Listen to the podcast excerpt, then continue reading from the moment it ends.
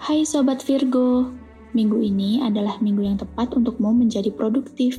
Kamu bisa mulai meneruskan kegiatan yang sudah lama terbengkalai. Sebelum memulai melanjutkan kegiatan, atur lagi suasana hati dan pikiranmu, karena WFH sangat membuatmu diperdaya oleh rasa bosan.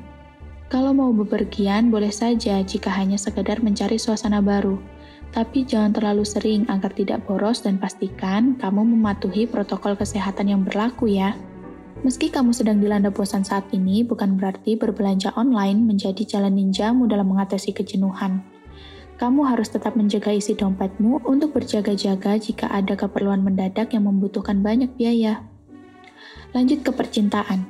Percintaan untuk Virgo Lovebird. Jangan bertengkar hanya karena perbedaan pendapat. Kalian itu bukan sedang dalam kompetisi, jadi tidak perlu mencari siapa pemenangnya dalam adu argumen itu. Untuk sobat Virgo yang masih single, transformasi penampilan teman lama mungkin akan menarik perhatian matamu. Jangan gengsi bila memang tertarik dengannya, coba saja dulu.